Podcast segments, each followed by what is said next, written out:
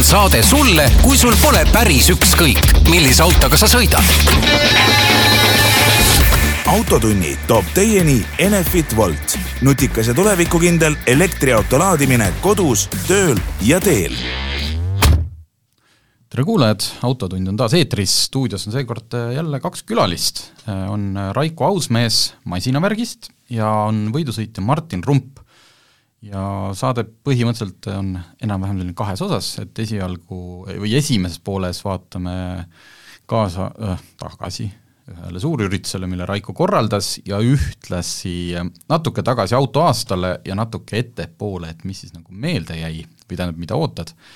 ja saate teises pooles äh, räägime Martiniga, kuidas on sõita Le Mansis ja üldse sellist äh, tipptasemel äh, ringrajasõitu sa ei, sa ei öelnudki rallit?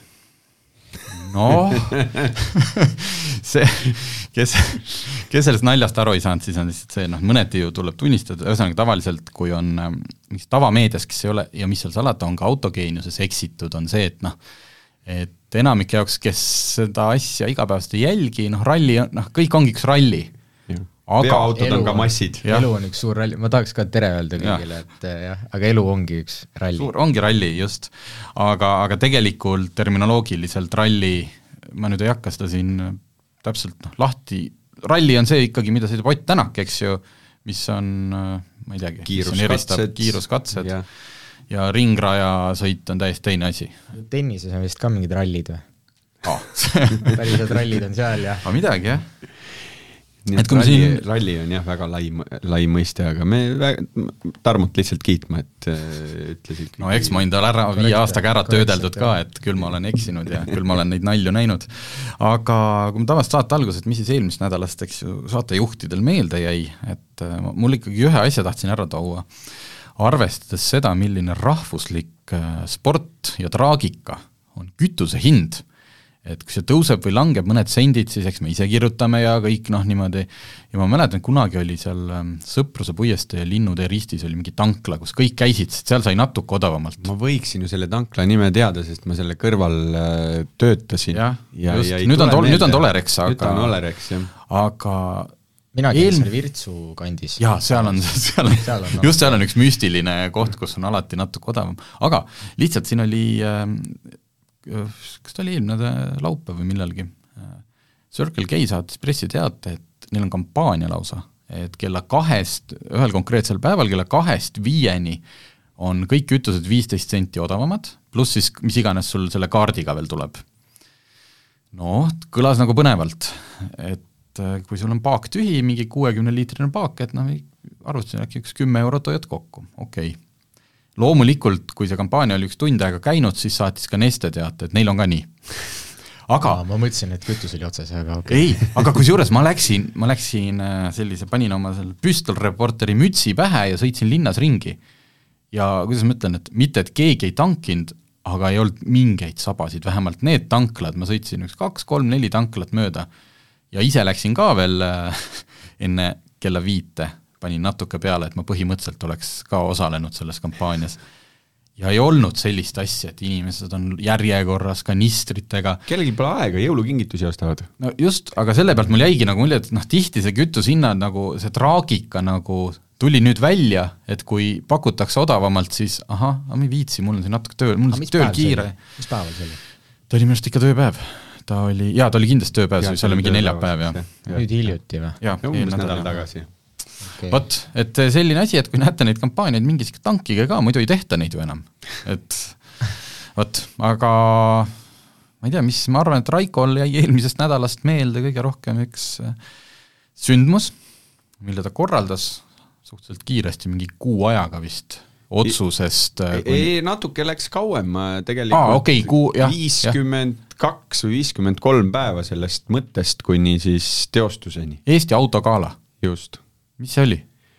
Äh, tead, äh, mingisugune hetk äh, tuli pähe see, et kui siin kevadel edasi-tagasi natuke vahetati mõtteid ja et mis siis saab Eesti aasta autoga ja otsus nagu oli suhteliselt selge ja mina nagu algul läksin selle mõttega kaasa veidi isegi, et Eesti Autospordi Liidu alla justkui liigutatakse siis Eesti aastaauto, mul jäi kuidagi sügelema. Jäi kripeldama ja, ja mõtlesin, et kas see on niisugune õige lähenemisviis, sest ma, ma olin, ma ei olnud seda kõva häälega muidugi kellelegi välja öelnud, aga ma olin oma peas nagu mõelnud, et miks ei võiks Eestis saada äh, sündima selline mm, autoajakirjanike, autoentusiastide niisugune ühine liit või klubi või midagi sellist, Soomes ta eksisteerib, Leedus kindlasti ta eksisteerib, mujal maailmas samamoodi, aga meil kuidagi on ka seda asja, et niisugune natuke nagu omavahel, mitte kõigil, aga osadel on nagu niisugune omavahel selline mitte kõige elutervem konkurents ja ei taheta nagu mingeid mõtteid vahetada või teha, on ju ja siis ma arutasin teistega, et kas ja mis ja kuidas võiks ja päris tõesti jah, viimasel hetkel tegelikult aasta teises pooles, aasta lõpus äh, autojaamast Jürgen Maasing siis küsis, et aga miks me siis ei võiks teha seda teist äh, sündmust, et mis meid takistab? ei tea, ma siis kü-, küsisin Raha. ta-, küsi-, raha energia, küsisin, viitsimine. küsisin Tarmo käest ka, et miks ei võiks, Tarmo ütles, et äh, võiks, aga et äh, ta, ta võib žüriis olla ja noh, ja, ja noh, suhtlesin nagu teistega ka, kes meil siin on, Aksel Rista, äh, teie siin nii Autolehe kui Autogeeniuse poole pealt, Tõnu Korraliga endine kolleeg ja nii edasi. Kõik olid nagu selle, seda meelt, et kui ma selle asja nagu mõtte lahti seletasin, siis et et no kuule, kui tulevad äh, nagu kui tullakse selle mõttega kaasa, et äh, why the hell not, et äh, kaks viimast aastat ju tegelikult on ju ainult see olnud, kus aastaautot on tehtud natukene teistmoodi, minu arvates natukene ägedamalt, ülekandena ja nii edasi, on ju aga alati on midagi jäänud puudu, sellepärast et ei ole saanud päris kõiki asju ise otsustada, kuna oled ikkagi nagu kellegi teise kaubamärgi all või osa või mis iganes. ühesõnaga, kui see pikk jutt lihtsalt kokku võtta, siis toimus jah, Eesti autogala, sellise nime all selline sündmus esmakordselt.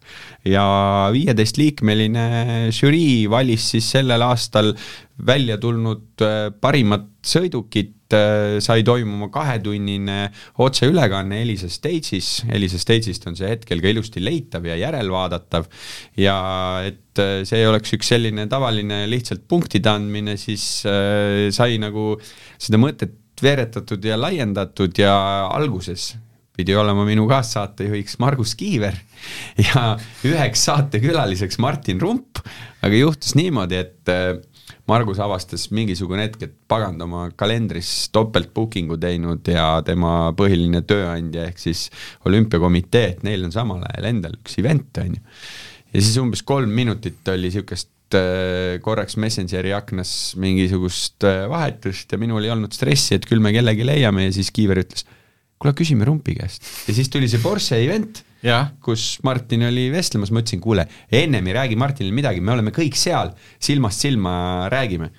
Testite venna ükskord üle, vaatate, kas ikka räägib ja ja kas kas liitlauseid moodustab ja kas ja hääl ikka lööb pärisema või? No ma olen ise Martiniga mõned intervjuud teinud ja ma tean, et ta on selles mõttes ei ole klassikaline mootorisportlane, ei ole tegemist Kimi Räikusega, et see oleks päris pull õhtujutt muidugi, kui, kui Kimi, see oleks Kimi nagu. Kimi. see oleks omamoodi.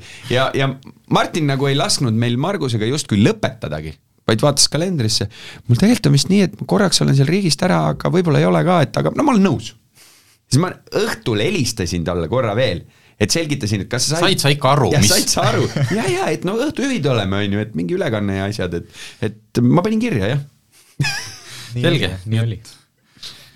okei siis millal me kokku saime seal, ütlesid, et kuu aega korraldas, on ju? Ja ei no ma ütlen, et viiskümmend kaks, kolm päeva oli ja siis sinu, sinu, sina said võib-olla tõesti kuu aega enne sündmust teada, et Jah. kuule oli see skriptitud või eh, minu arust oli täitsa sujuv, et kas Ei. harjutasite enne? ei harjutanud, me käisime selles mõttes selle saate nagu plaani läbi, et millal nagu mis teemat puudutada või seda. Ja reaalses elus jah, meil olid tahvelarvutid käes, aga meil ei olnud seal valmis kirjutatud teksti, me vaatasime tegelikult sedasama Exceli tabelit, kus jooksevad kõrval äh, ajaminutid ehk siis jooksuplaani, mis inimene tuleb lavale ja seda, meil ei olnud sinna mingit teksti valmis kirjutatud ja seda enam oli Martin nagu suurepärane. Me,. meil ei olnud isegi seda kokku lepitud, et kumb päris täpselt nagu räägib mingil hetkel, et meil oligi niisugune full tunnetamise värk ja muidugi Raiko ju paneb selles mõttes täielikku soolot nagu kohati, siis oligi see, et ütleme, noh, segad ennast sinna vahepeal natuke Jah, ma jäin lihtsalt vahele, siis jälle siis äh, saime niisuguse normaalse balansi, no Raiko ikkagi juhtis selgelt ja siis ma nagu abistasin. ja mina istusin äh, seal eraldi žürii lauas äh, ja kuidas see tunne oli? ei, oli väga hea, see, need mängud, mis te meile korraldasite, olid ootamatud, aga õnneks minu ja Karl Eduard Salumäe, me olime, moodustasime võistluspaari, noh, saime ütleme kõige lihtsama küsimuse, et pärast äh, keegi teine sai seal äh, ära tunda, et äh, no need Alfa autovarud Romeo rooli, et jah, et antakse kätte sulle suvaline mingi jupp ja noh, ilmselgelt see ei ole velg ega ma ei tea, jaga ja kaas, vaid mingi täiesti sürr asi, mis see on, noh see oli kõige raskem. see oli, üks oli Alfa Romeo Giulietta rooli vibratsiooni leevendi. just. kujuta ette, ja ongi niisugune asi olemas, täitsa mõnus, mina kasutasin seda pärast, vaat see on see, millega saab treenida nagu sõrmed Aa, tugevust, jaa, see jaa, nagu jaa. vajutad kokku-lahku, et äh, aga kujuta ette, hakkaks ise autot ehitama nullist, ma ei tuleks selle peale. seal, seal oli tegelikult, ma küll küsisin kolme jupi kohta, aga kui ma nendest esindustest küsisin, siis anti veel mingeid asju, mul ei jäänud need äh, kõik meelde, aga üks huvitav asi oli veel, oli niisugune nagu trukk, see oli siis Lamborghini Murcielago pehme katuse kinnitus jah, aga no täiesti mingi niisugune jupp, et sul ei ole seal ei brändi peal Jah., ei mingit tootekoode peal, mitte midagi lihtsalt seal jah, et kuna üks, kes seda Varro Osi pidi arvama, Kaspar, eks ju, tema on vist rohkem nagu olnud igast var-, noh, on natukene vist seotud Jaa, kuidagi tema küll hakkas seal täpselt uurima, et kindlasti ei ole seal peal, eks ju, kirjas Volkswagen, aga et võib-olla tema teaks, et ahah, see on siin, ma ei tea, umbes sellest tehasest, et seal vist tehakse, okei okay.. Mis ma seal vaatasin ja olin ja tore õhtu oli, kas see, ma tean, et esimene aasta oli see asi veebis lihtsalt sel lihtsal põhjusel, et oli Covid. Tähendab, selles mõttes, et need autofirmad ja niimoodi, me võisime koguneda, need autod olid reaalselt seal, eks ju, Saku Suurhallis kohal, aga üritus ei saanud noh, sa ei saanud väga publikut kutsuda, sest oli koroona. just. Kas see asi võiks kasvada lõpuks nagu mingiks või kas annaks midagi juurde või tegelikult mitte? No Mis su- mis su nagu- mis su nagu see pikk plaan on? minu enda peas on selline hull idee, et äh, why the hell not, esiteks muidugi, siin ei ole mitte midagi kindel, ma proovin kindlasti meie, ma pean suure, suured-suured aitähid ütlema Alexelale ja Sellile, kes samamoodi lühikese ajaga tegelikult sellega, sellega kaasa tulid ja, ja äh, noh, olid nagu valmis seda asja toetama.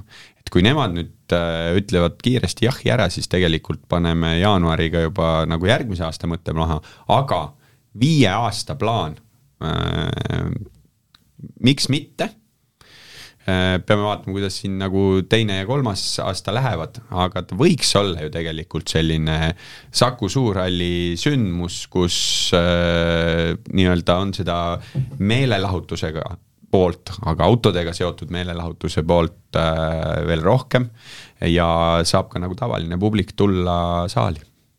ma ei tea, kas sina või keegi ühesõnaga seda asja arutades, korraldades meel-, meenus või meeldis nagu selle asja see pool, et miks seda üritust üldse vaja on, sellist on see, et äh, kohati on nagu mulje, et äh, vist hiljuti ma nägin pealkirja, kas Peep Pahv kirjutas ka mingit kolumni teemal, et et nagu, et, et autod ja, ja sellised autod, nautivad inimesed on muutunud juba noh, no vaikselt niisuguseks nagu vih-, noh, mitte vihkamine on, aga noh, et päris igas seltskonnas ei tahagi nagu välja öelda, et ma olen petroseksuaal või et noh, ma olen tohutu autoinimene, et siis oled kohe nagu natuke selline noh, ahah, selge, sa oled siis see, no selge, ole siis. veenides voolab bensiin. just, aga et natuke nagu tähistada seda autokultuuri, et noh, et see ei tähenda seda, et me kallame lihtsalt, ma ei tea, bensiini maha ja õli merre, et nagu, et tegelikult on see palju toredam ei no ma ütlen, kui me võtame kiirelt kokku selle, et äh, nüüd esimesel korral meil oli tõesti niimoodi nagu kuidagi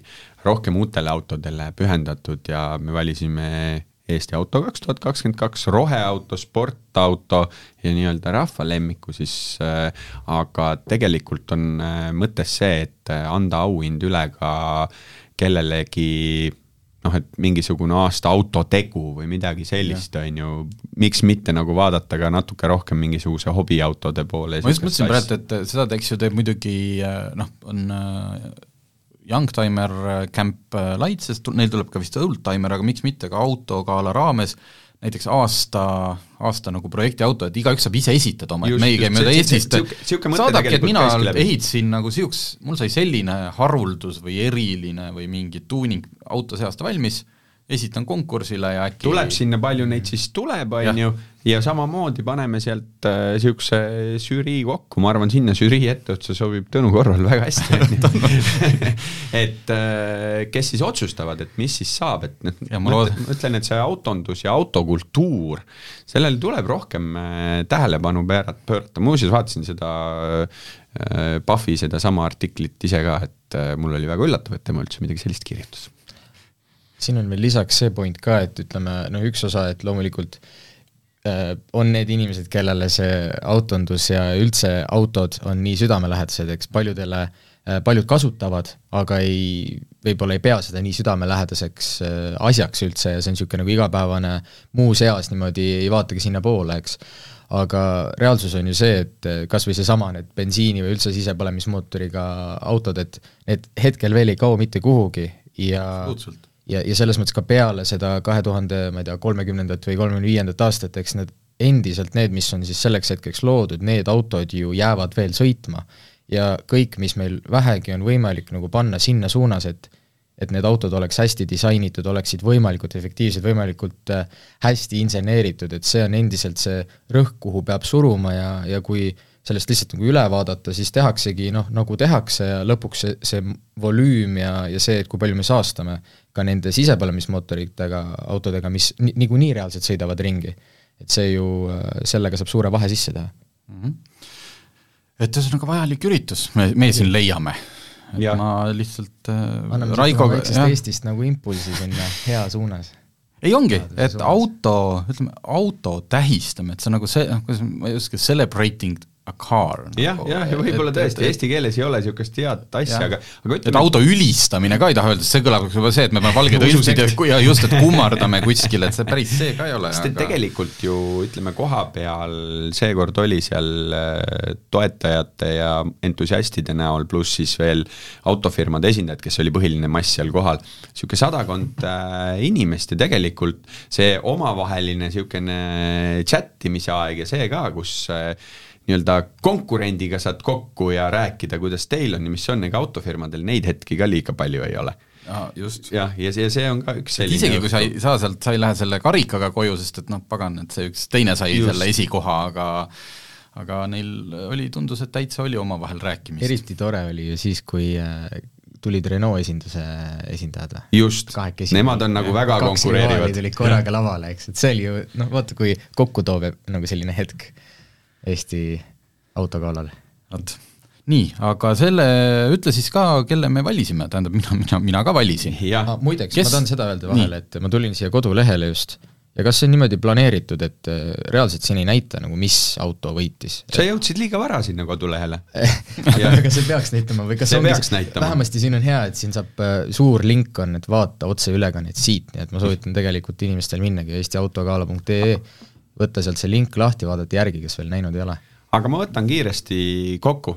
Rock FM-i rahva lemmik Alfa Romeo Tonale, mis mõnes mõttes oli üllatus, sellepärast et žürii nagu teda üldse kõrgelt ei hinnanud, aga noh, mina nägin ka neid, kui neid hääletustulemused tulid, seal olidki väga selgelt äh, kolm tükki eristusid nii-öelda suuresti, olid Alfa Romeo Mercedes-Benz EQE ja Kiia EV6, seal oli ka näha, kuidas on ju sotsiaalmeedias tööd tehakse, aga Alfa Romeole ja Mersule tuli ka nagu mujalt hääli, seal mingi hetkeni oli ka see suur Range Rover pildis, aga kuidagi vajus nagu mingid protsendid tahapoole, nii et jah, rahvale meeldis kõige rohkem, mulle meeldis seda, kuidas Robert Kõrvits ütles ka, et on hea, et äh, Rock FM-i kuulajatel on stiili, sest tõesti, kui sa välimuse võtad, siis see tonaalne nagu ja, ja, ja eks ta seal kodulehel ilmselt oli ka see, et sa vaatad kiiresti pildid üle, ta on natukene eristuv masin mm, -hmm. on ju, Alfa Romeo, äge on ju. Äh, sportautodes ütleme, et ei olnud väga suurt kahtlustki, et kui enamus neid on ikkagi niisugused linnamaasturlikud masinad, siis Porsche seitse üks kaheksa Cayman GTS neljaliitrine oli niimoodi, et Wis Golf R vist oli ikkagi mitte päris maastur, aga jah, Golf Ei, R ja ei, RS3 ka. just, et, RS3 et, need ka, on ju, et RS3 Oota, jäigi, jäigi teiseks, Audi RS3, aga Porsche võttis äh, minu arvutuste kohaselt maksimumpunktid. Ja väga lahe oligi see ka, et äh, see oli Marguse idee Gerd Kanter nagu mängu tuua, et läbi EOK on ju, suhtleb ju kõigi sportlastega ja, ja ta tutvustas mingi hetk mind Gerdile ja meil juba siis hakkasid mingid mõtted arenema, nii et äh, ma arvan, et mingisugune hetk võib juhtuda niimoodi, et ringrajal äh, Martin Rump õpetab Gerd Kantrile sõitu. Ja, ja siis vastupidi, Gerd Kanter äh, õpetab ketast eemale väga, väga nagu Piduriketast näiteks.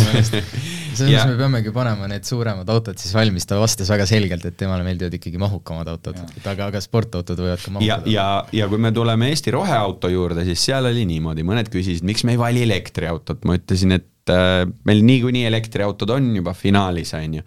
ja väga hea oli, et me valisime Eesti roheautot, sest mõned žürii liikmed läksid selle teemaga nagu nii süvitsi, et roheautodes võitis Renault Megane E-Tech, mis jõudnud põhi nii-öelda selles kategoorias finaaligi ja Kiia EV6 jäi eh, teiseks.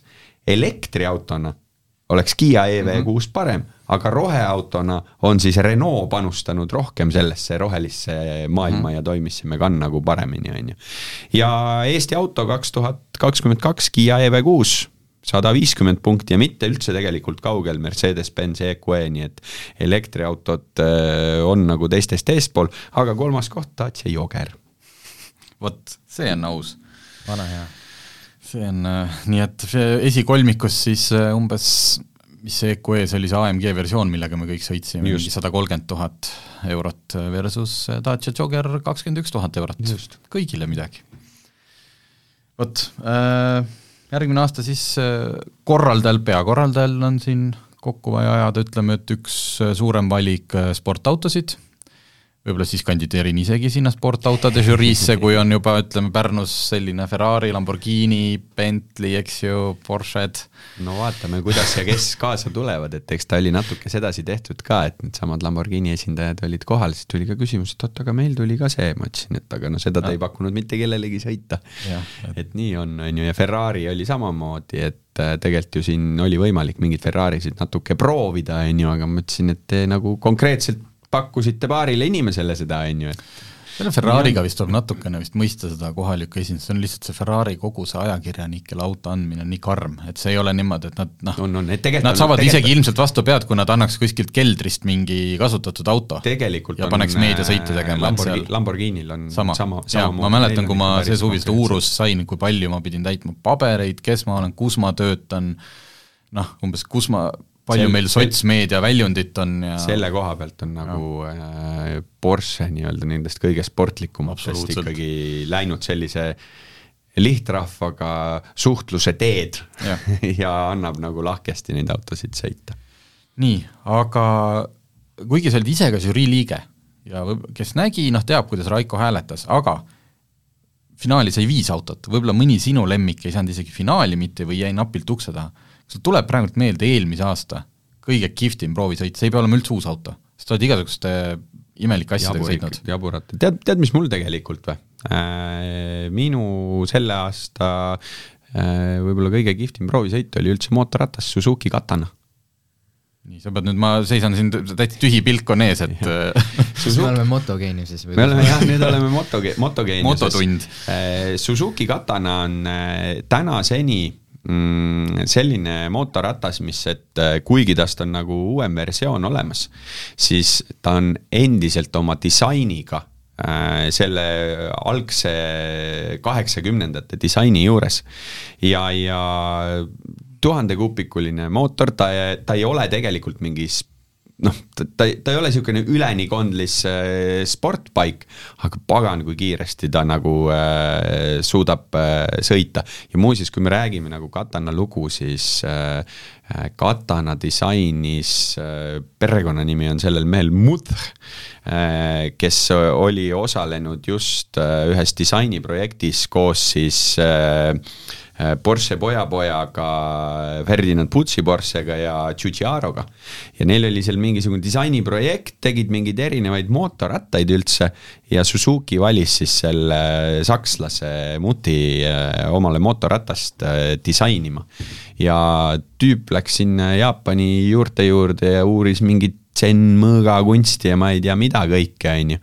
ja noh, katana on ju ka Jaapani mõõk ja see noh, ma, ma, ma proovin, ma tõesti proovin ja ma iga aasta annan sama lubadust, et ma proovin nagu järjest rohkem jõuda nende motoesinduste juurde, sest neid nagu vähe kajastatakse, nendega vähe sõidetakse, et teil ka siit toimetusest vist Elmar on ainuke mees, kes jah, kes käib sõitmas, et ega meil niisuguseid motoajakirjanikke pole ja ja tekkis võimalus jah, tõesti, Suzuki pakkus mingi hetk ja ma sain katanaga tiiru teha ja ma ütlen, et see on üks niisugustest motoratastest, mis võiks endal nii-öelda garaažis ja olla. ta ei ole ta ei ole ka, kui ma vaatan lihtsalt, trükkisin sisse Uku katana, et ilmselt on see USA hind, aga et ta ilmselt ei ole niisugune noh, väga high-end, et ta on kuskil tsiklite mõistes pigem võib noh, odav ei ole, aga ta ei ole ka näitab siin mul kolmteist tuhat viissada, kui ma vaatan mingi kaks tuhat kakskümmend aasta katana. jaa, see Eesti hind oli ka mingisugune, ma ei tea, kuusteist tuhat või midagi mis see tsiklimaailmas tähendab, ongi keskel või on ikkagi see on keskel, kallis? selles mõttes on, ei, see on, see on keskel, see on, see on, selle ratta eest on see väga nagu äh, mõistliku hinnaga saadud. tal nüüd tuleb küll uuendus, ilmselt läheb natukene kallimaks, tuleb seal varustust asja ka peale, aga noh, ütleme sedasi, et äh, kui me mootorrattamaailmast räägime, siis tegelikult teine proovisõit oli samamoodi, CF Moto selle matka, matkarattaga, on ju. et äh, ega siis neid äh, noh, kümne tuhande eest saad mootorratast osta, kolmekümne tuhande eest saad mootorratast osta, on ju. et äh, ja saab veel kallimaid ja saab muidugi ka veel odavamaid, ma neid veel odavamaid ei teagi, kas nii väga kõiki julgen äh, soovitada. aga niisuguse keskmise hinnaklassiga ratta kohta on ta tegelikult paganama hea jõudlusega ja, ja ta see väljanägemine, et nad on jõudnud, nagu hoidnud sellest äh, kaheksakümnendate juurtest kinni Mm -hmm. muidugi meenub kohe Cayenne Turbo GT ka sinna kõrvale no Dakar, Dakar, vaatasin ka jah. seda värvivärki, et äh, kui see täis musta värvi võtta, siis tegelikult näeb täitsa okei okay välja. sul on tsikliload? jaa, ma sõidan ise Ducati Street Fighteriga, kaks tuhat kümme, ilma nagu nende enne nii-öelda seda elektroonikaajastut või noh, ütleme ta siis natukene midagi seal äkki on, aga testida väga ei taha ja traction'it seal, või no ütleme, jah tegelikult peaks vist müüki panema, ütleme, oleks mõistlikum aga Jen Turbo GT kohta oskab äh, Martin rääkida, sest ma just tahtsingi jätkata. sellega ta sai pika, pika tiiru teha ja me saime teda natukene ka äh, proovida raja, rajaoludes isegi.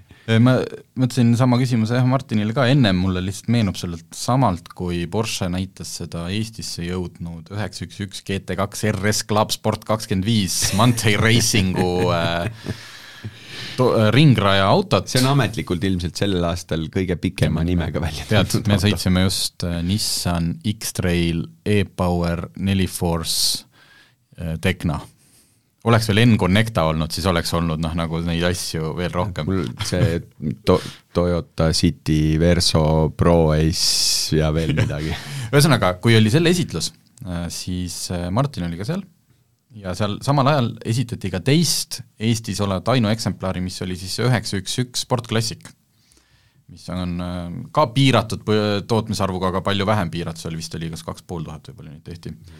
seda ringraja autot ehitatakse kakskümmend viis, kolmkümmend ja kakskümmend viis lähevad klientidele. vabamüüki. vabamüüki. kakskümmend viis vabamüüki, need on ja mis üks sai Eestis, nii siis Martiniga seal räägiti ja siis noh, küsis ka vist Kiiver juhtis seda asja seal, et noh, et kumb, kuidas siis, no kuidagi nagu sportklassiku kohta ja ja siis sa suutsid, võib-olla see oli ka, et sind sellel hetkel pandi kuidagi niimoodi ootamatult kahvlisse, see sportklassiku osas näitab üles suhteliselt suurt ükskõiksust ja noh, kõik noh, põhimõtteliselt kuna seal kõrval oli see GT2, et siis see üheksa üks sportklassik oli nagu ahah, ok, aga et kas sa suudad tavalist autot üldse enam nautida, seesama Cayenne Turbo GT, mis nagu meie jaoks on täiesti nagu mind blown, eks ju, ta viskab su noh, lööb jalaga selga ja teeb kõike.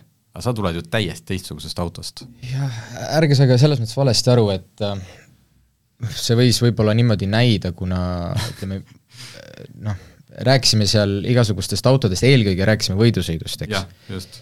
ja, ja ma ka selles mõttes, minu äh, kirg ja, ja nii suur osa elust on võidusõit, et, et ütleme, ma mõtlen ja, ja hingan ja elan seda maailma.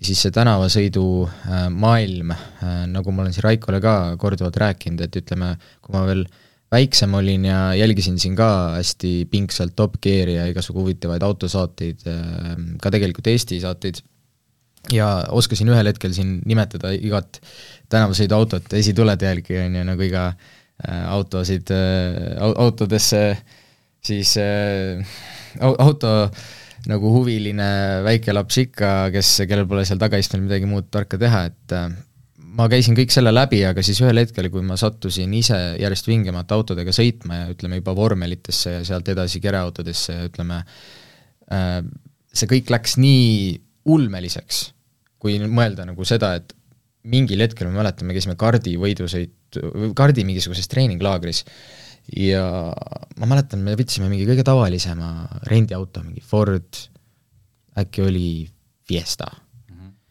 ja ma mäletan, kuidas see mulle niimoodi nagu see, see, ma vaatasin selle poole nagu mingi oo, suur auto, suure mootoriga, tegelikult praegu mõtled, oi, mis asja, mida ma mõtlesin, on ju. Aga kuidagi panna seda konteksti lihtsalt, et järjest vingemate asjadega saad, saad ise nagu sõita ja, ja, ja lähedki nagu sellest tänavasõidu nagu maailmast natuke nagu eemale selle tulemusena, ma arvan, ja rendiauto näiteks äh, seal noh, äh, laua taga ka, need juba teavad, et aa, et kui on võidusõitja, et siis nendele pole mõtet väga neid upgrade'e asju pakkuda, sest et ni-, nendel on niikuinii üks ja sama, vaata mm. -hmm. et võib-olla natukene on see efekt, aga teistpidi ma usun ka seda, et kuna mul lihtsalt äh, lähitulevikus ei ole endal sellist realistlikku äh, perspektiivi selle suunas, et ise sellist autot tarbida nagu päriselt, et osta ja nii-öelda äh, seda nagu õigesti tarbida, siis, siis ma võib-olla olen endas selle lapse selle niisuguse õhina kinni lülitanud okay., et tegelikult ma ikkagi arvan, et, et äh, mõlemad autod, mida seal esitati, olid väga vinged ja mm, -hmm. ja ilusad ja selles mõttes, sõna otseses mõttes äh, inseneri sellised ähm, meistriteosed. aga seejuures jah, loomulikult, et kui ma kalduks ühe poole või teisele poole, siis ma alati kaldun võidusõidu ringrajale. mulle tegelikult tuli meelde see, et äh, ma ei taha ka nagu selle koha pealt mingisugune ülbitseda või midagi, et aga aga tõesti nii paljude autodega ka meie tegelikult sõitnud, on ju. ja siis mul on tihti, tihtilugu on nagu see, et jälle pakutakse midagi või sellist, et siis mõtled, et nii okei okay,, mis ma siis selle autoga või kus ma läheks või seda, on ju aga äh, sa, sa küsisid selle, et mis siin äh, proovisõit või selline sõiduelamus, siis äh, tegelikult mul tuli hoopis üks palju olulisem asi meelde, rooli küll ei lastud, aga Urvo Männamaa Dakari Hiluksi kõrvalistmel. seda said sina ka, täiesti ajuvaba, täiesti ajuvaba. Nice.. aga ma korra veel tulen tagasi, kas see Cayenne Turbo GT näiteks, kas see siis mingi, vaata sa ütlesid, et lülitasid selle lapse nagu endast kinni, et kas see kuskilt, kas hakkas uuesti see laps piiluma sealt, et noh, et et ikkagi silm läks särama ja täitsa lõpp, mis on tehtud autoga? Äh, jaa, jaa, äh, sul on õigus, selle puhul oli küll nii, et äh, et ikkagi äh, noh, suur vahe ka, kas sa vaatad kõrvalt autot, eks, nagu me seal Porsche üritusel vaatasime, või kas sa saad reaalselt proovida, istuda sisse, nii-öelda tunnetada kogu seda interjööri, äh, panna hääled sisse, nagu äh, vajutada see lapats ikkagi korraks põhja, on ju, et ütleme, seda sai nii, nii korraks teha, sest et muidu oleks kohe ületanud kiirust, eks ole. aga see oli tõesti midagi ulmelist ja, ja ma arvan, et paljud autoajakirjanikud, kes seda proovinud on, ütle, ütleme üldse asjatundjad, et nad ikkagi noh, sealt tulevad lihtsalt sellised äh, mingisugused sidesõnad ja mingisugused suvalised sellised häälitsused umbes välja, et noh, see on nagu tegelikult päris crazy ja, ja ma just võtsin siin need näitajad lahti ka, et kuussada nelikümmend äh, BS-i on ju, et kuussada nelikümmend EPA põhimõtteliselt, kaheksasada viiskümmend Newton-meetrit äh, väänet noh, sisuliselt kolm, oli... kolme sekiga sajani on ju sisuliselt, et nagu see on täiesti, see oli crazy. Ja, ja siis ma esimese asjana mõtlesin seda, et kuidas ei lähe poolassid pooleks lihtsalt sellise asja peale. Et see jõud ei tõmba seda asja. Jaa, Porsche kalla... oskab tegelikult ikkagi neid autosid tõesti, et olenemata sellest, et äh, on ta elektriauto, on see sportlik B, on see mõni kabriolett, on see selline tavaline linnamaastur või tõesti mingisugune meeletult kuri linnamaastur, no osatakse neile autosid. jaa, see, see meenub see lugu, et äh, kui oli, käisin ka ühel Porsche seal ringraja üritusel ja seal tehti selle Turbo S-iga, tehti launch control'i, et kõik saavad nagu proovida seda kiirendust nullist sajani, kõik seal selle stardi-finiši sirgel, nii kõik see hoiad, hästi lihtne on ka, noh, lülitad sisse, pidur all, gaas all, lasid pidur üles, nägemist, kaks koma kaheksa vist oli sajani. ja seda oli tehtud sellel päeval palju, see üritus oli kestnud juba mitu nädalat ja see sidur ja see süsteem kõik kestis. ja kõrvale vist on kas, kas oli Nissan GTR, millel vist oli äkki peale viiteist või kolmekümmet launch control'i oli kas sidurivahetus, midagi sellist. Nendel on, seda on päris paljudel tootjatel tegelikult. et see launch control'id on loetud ja kui need, ütleme, see loend täis saab, siis tõenäoliselt sul kui ma ei eksi, kui ma ei eksi, siis Porsche on ka see tootja ju, kes, temal on okei okay,, et autodega käiakse ringrajal mm -hmm. ja see ei mõjuta garantiitingimusi, sellepärast et kui me tõmbame siit paralleeli nüüd ringrajalt välja, siis näiteks äh, äh, RAM, suur mm, -hmm. äge kastikas, maastur, võid tõmmata risti üle põllu. kui sa selle ikkagi kuskil äh, käigukasti nii-öelda ära rikud mingisuguse off-road imise käigus, see ei ole garantii mm. -hmm. kõlab mõistlikult. üks asi veel ja. siin öelda, mis on nagu Porschedel vinge, et äh, kui siin muude autotootjatega, on ju, on niimoodi, et vahel nad ütlevad rohkem, vahel vähem, mis puutub nagu kiirendusnumbritesse, on ju, siis Porsche nagu kipub alati panema mingi lahjema numbri sinna ja tegelikult Just. proovid järgi see läheb veel kiiremini ja see nagu kipubki nii alati olema ja see näitab minu meelest nagu sellist sügavat enesekindlust ter-, nagu brändina ja, ja ütleme, oma sellesse klientuuri, et noh, kõik teavad, et lähed istud Porschesse ja sa saad sealt selle kvaliteetse kogemuse. ja sa saad selle tulemuse kätte täpselt, et lähedki, võtad selle, mis selle seadme nimi on, ma kunagi tahtsin sult tegelikult Dragi. küsida, ma pean otsima, tahaks meile ka osta seda. et ja iga inimene saabki selle kätte, mitte mingi tehases mõõdetud võist, noh umbes soojaks aetud rehvidega no,. pane, pane slikid alla ja, ja siis äkki ja, saad, on ju, kuivaga. vot sellesama Porsche Cayenne Turbo GT kohta, see oli juba eelmine talv, oli ju äh, siin proovisõidus siis Tõnu Korral, kes sai selle korraks sõita, ütles, et tegelikult peaks olema keelatud sellisele autole lamelle, noh et, et see tegelikult peaks olema keelatud talvel sellega sõita, sest et ja. see auto ja lamellid, et noh, need, need kaks asja ei saa ju üldse läbi omavahel, sest et äh, see või siis ongi nii, et võid osta, aga siis sa pead võtma Porsche'st ka äh, litsenseeritud äh, sõitja endale, kes on, nagu aitab sellega ümber käia. jah, minul oli, ma arvan, et kui noh, siia see läks, et, äh, et ikkagi suvel Lamborghini Urus aga just nagu sellepärast, et ta ei ole ju uus auto.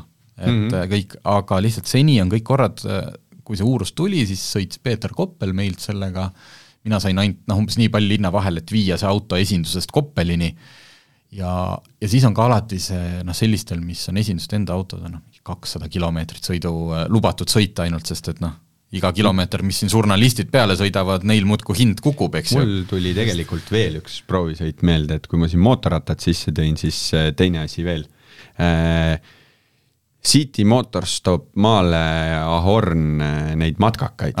ja siis minul oli Rally Estonia ajaks oli Ahorn City, mis siis on traffic'u baasil kus katus käib lahti, üleval siis saad redeliga üles minna, magada, köögid, värgid, asjad.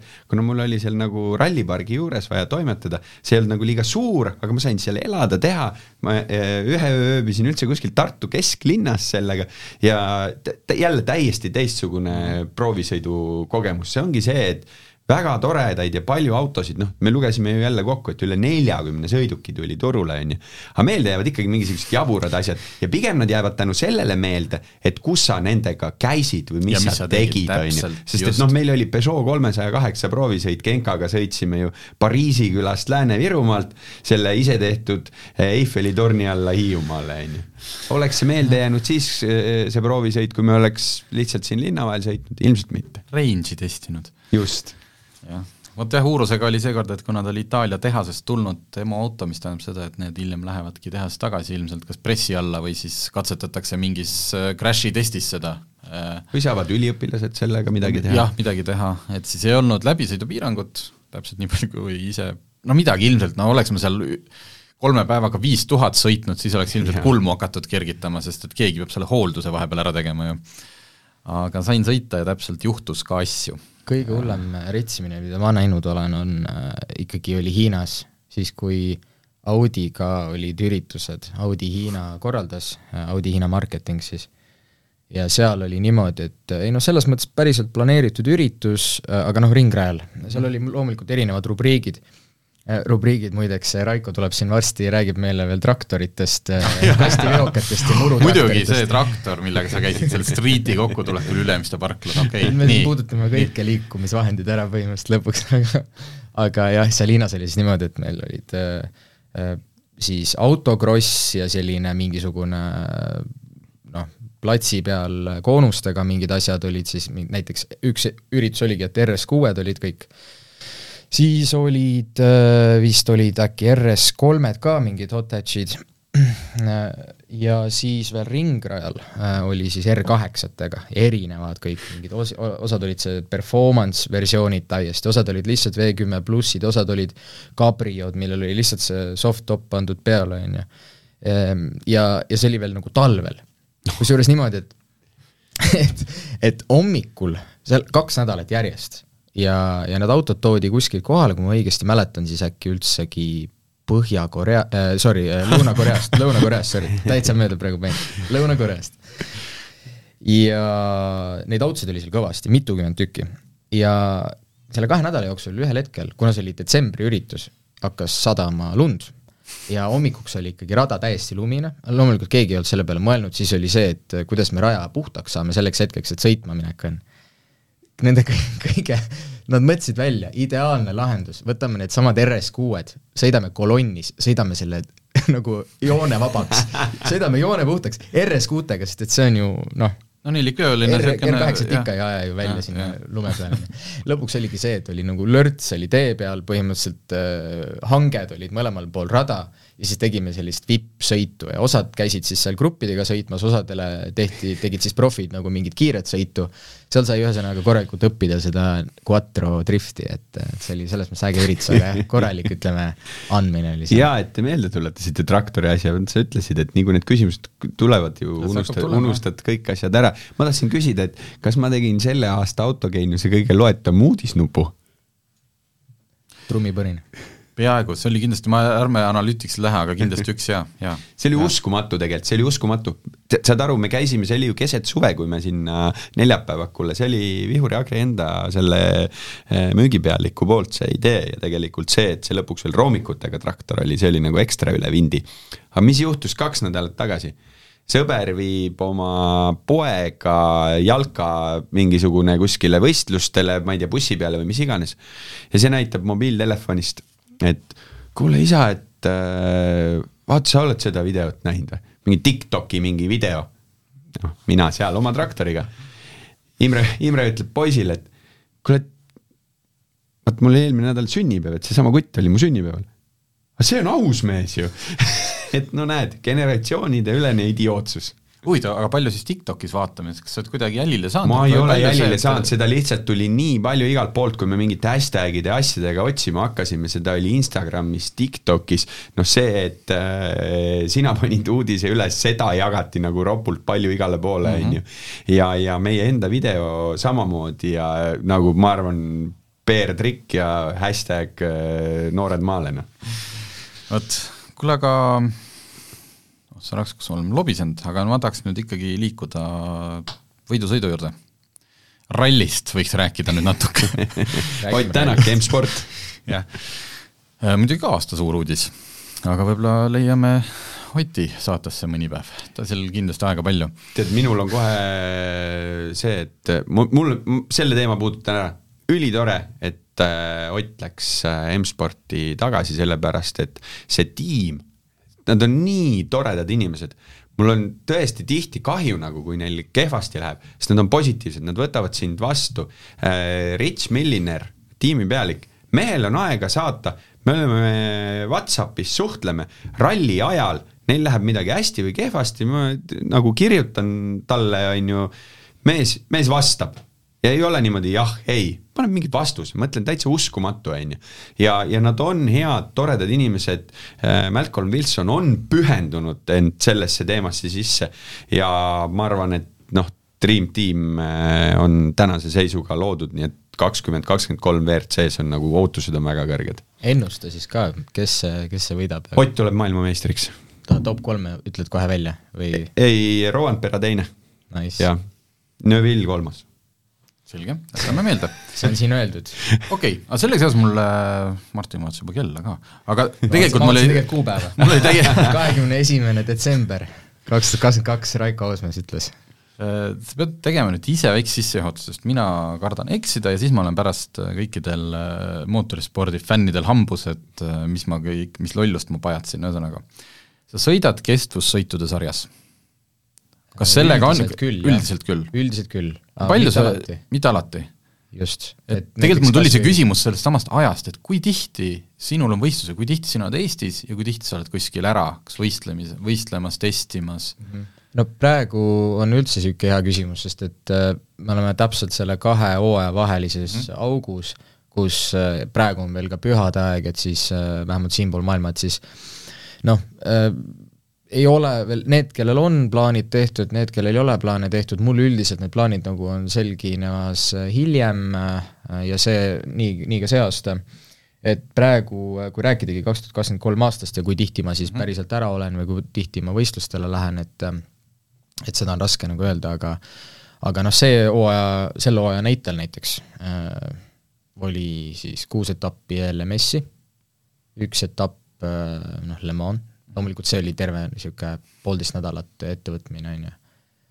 siis äh, Nürburgringil sai tehtud äh, hooaja alguses märts-aprill, aprill vist algas äh,, see Nordschleife litsents, permit A, permit A siis tähendab, kõigepealt tegin permit B, ja siis kaks etappi, üks oli siis Porsche Cayman S roolis ja teine oli BMW see VT mingi kaks kategooria või mis iganes, VT4, ühesõnaga mm -hmm. üks nendest, see oli muidugi väga huvitav, pidi kõvasti vahtima peeglitesse ja ei saanud nii palju ise mööda sõita, kui, kuivõrd et kõik sõitsid minust mööda, sest lihtsalt seal vaata on hästi palju kategooriaid korraga real Äh, ja siis sealt sai siis kaks etappi juurde ja hooaja lõpus tegin siis selle Cayman GT4-ga äh, neli etappi.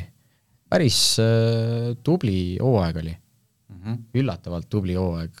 alguses ma ei teadnud, mitu etappi kokku tuleb, aga vist ikka jah, ei tublisti üle kümne ja ütleme sinna isegi viieteist alla ja, ja ma arvan, et see võiks olla ka eesmärk järgmiseks hooajaks. et kui siin nüüd nagu profisõitjatest rääkida, kes ongi noh, tehasesõitjad näiteks Euroopas või üle maailma. et siis äh, osad teevad siin, ma ei tea, kolmkümmend võistlust näiteks okay., see on täiesti crazy. pluss nagu testipäevad ja asjad. et noh, kui rääkida nädalavahetustest, siis võib-olla mõni ongi nelikümmend nädalavahetust nagu roolis. Aga kui ma saan niisugune viisteist nädalavahetust tehtud, siis ma jään ikka väga rahule. ja see hooaeg enam-vähem nii oligi. aga see, väga hea, et tõid selle sisse, palju sa siis palju sa nagu treenid, ma mõtlen, reaalselt rajab neid, ma ei mõtle mitte üldfüüsilist, vaid see, et yeah. sa lähedki, stardid ja annad kuuma, aga niimoodi, et sa ei sõida kellegagi võidu, vaid sa lihtsalt ma pean selle üldfüüsilise koha pealt vahele segama, sa Martin Instagrami jälgid või? ei jälgi. No hakka jälgima, mina oma kerge õllekõhuga ei, õhtul no,, õhtul, õhtul diivani peal vaatad niimoodi Martin, Martin, Martini story't ja siis mõtled, et pagan, selle juustutaldriku vist ja, peaks ja. ära panema, sellepärast et mees on võtnud kätte, istunud selle võimlemispalli peale, võtnud kätte mingisuguse, ma ei tea, paarikümne kilose ketta ja siis äh, simuleerib seda äh, roolis olemist, nii et jalad on üleval, kogu kehaga hoiab selle palli peal tasakaalu ja siis justkui rooliks selle paarikümne kilose kettaga. vaatad, mõtled, ei, tegelikult on ikkagi juust on minu jaoks, las teevad need mehed, kes jaksavad niisugust asja, uskumatu, see, selles suhtes see üldfüüsilise asi, tuleme nüüd selle rajapäeva ma just mõtlen jah, et see, just see sõidu nagu see, et see, need päevad. ja ma pean Raikot tänama, selles mõttes pikk, ma ütlen vastu. aga see inspireerib muidugi. pikk äh, mälu on sul, sest et konkreetsest videost, millest sa praegu räägid, see on peaaegu aasta vana juba no, ma üritan üht, ma üritan nagu balansis hoida, et ma ei pane liiga palju, ma teen tegelikult ju peaaegu iga päev trenni, vahel mõni päev teen kaks korda trenni, et siis ma tegelikult postitan suht vähe selle kohta, kuivõrd ma päriselt teen. aga kes on huvitatud, kui palju ma sporti teen, siis äh, Stravas saab mind jälgida, et seal on avalikult nagu kõik mu trennid näha. Äh, ma varem ei tee seda, ma teen, endal tekib alaväärsus no ütleme jah, keda inspireerib ja, ja ütleme, võib-olla huvitav ka näha teistel äh, noortel sõitjatel, et kui palju tegelikult on vaja panustada, et et ütleme, olla selles seisus, kus, kui sa sinna rajale üks hetk siis jõuad, et, et ei jääks nagu millestki puudu, et tegelikult võidusõitjad peavad ikkagi väga vormis olema ja saab äh, viilida ja saavad ka amatöörsõitjad sõidetud, aga tihtipeale ikkagi vahe tuleb kuskil sisse ja just eelkõige kestvussõidus. Aga, aga äh, see selleks, mhm. et üldiselt ähm, mina olen olnud terve oma karjäär sellises seisus, kus ma üldiselt saan vähem sõita kui need, kes, kelle vastu ma sõidan. ja noh, on siiamaani hästi välja tulnud, aga eks see on ka omamoodi komplikatsioone valmistanud, aga lõppkokkuvõttes on see, et aga et kas siis teha või mitte teha, eks, ja ma olen alati valinud selle, et, et loomulikult teen. Ja raske on olnud, aga, aga teistpidi, kui võtta seda, et noh, iga kilomeeter on võidusõiduautoga tegelikult maru kallis, keegi peab selle kinni maksma, siis üldiselt selles vähemasti võidusõidu valdkonnas, millega mina tegelen, et ralli on loomulikult hoopis teistsugune ja ja, ja ütleme ka kart on nagu täiesti risti vastupidi, et kardis ongi üheksakümmend üheksa protsenti sa sõidadki lihtsalt, üksi teed trenni, võtad oma kardi, lähed ükskõik, meil on Eestis nii palju radu ja, ja mine ja harjuta, eks. Aga ringraja autodega jah, pigem on see, et on võidusõidu nädalavahetused, enne võidusõidu nädalavahetuse algust siis on mingid trennid, siis on kvalifikatsioon, võistlussõidud, et peab tegelikult olema nagu kogu aeg valmis kogu aeg valmis panema ja siis pead veel tihtipeale sõitma nii, nagu see oleks su viimane sõit, sest et sa ei tea, millal sa reaalselt uuesti saad sõita. aga rääkides äh, Le Mans kahekümne 20... tere tulemast minu maailma. jah, Le Mans kahekümne neljast, siis Le Mani rajal, sa olid enne sõitnud? ei olnud.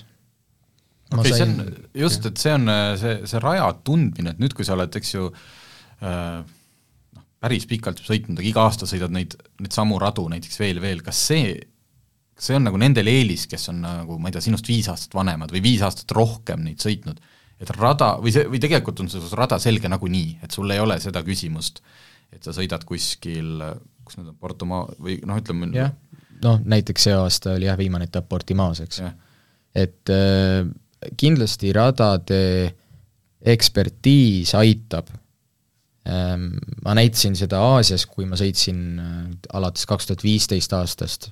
Tegin põhimõtteliselt kõik rajad seal läbi, noh, sinna tuli küll juurde veel nendel aastatel siis kaks tuhat kuusteist, seitseteist, kaheksateist ja üheksateist veel käisin ka, kakskümmend jäi vahele, kakskümmend üks käisin Tais äh, Purirami rajal veel sõitmas. et äh, ja ka siis tegelikult ma mäletasin väga hästi, täpselt, nagu igat detaili ja, ja, ja seal on tõesti, tekib ühel hetkel see tunne, et äh, ükskõik, kes vastus on, ükskõik, kes on mm -hmm. minu vastas et pole vahet.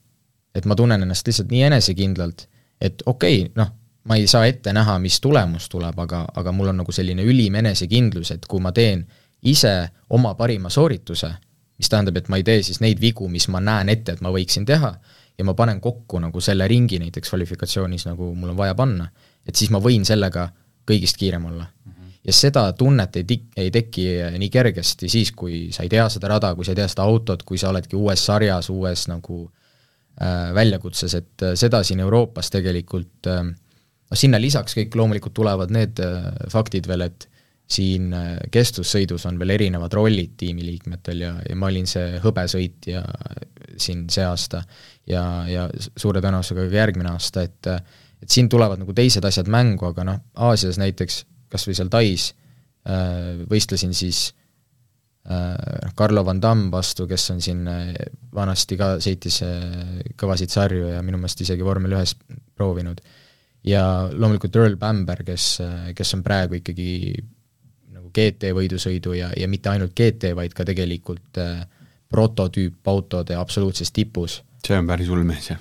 ja ma panin talle kaks korda kvalis selles mõttes väga, ütleme ausalt panin ära, et, et jah, ei olnud kerge, teine kvalifikatsioon oli niimoodi, et meie vahele jäi vist üks tuhandik sekund.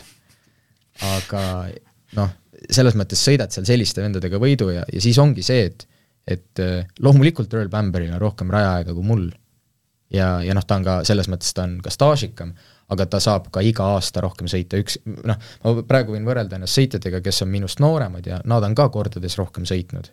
Aga lõpuks on siis see, et aga kas ma lähen ja võtan selle vas-, äh, väljakutse vastu või kas ma siis löön nagu kartma, et paraku alati ei saa nagu ideaalset sellist olukorda enda jaoks tekitada, nagu noh, sellised äh, edulood siin vahel on nagu vaated kõrvalt, et aga, aga noh, keskendud oma asjale, teed seda nii hästi, kui saad, ja siis äh, loomulikult iga kogemus loeb.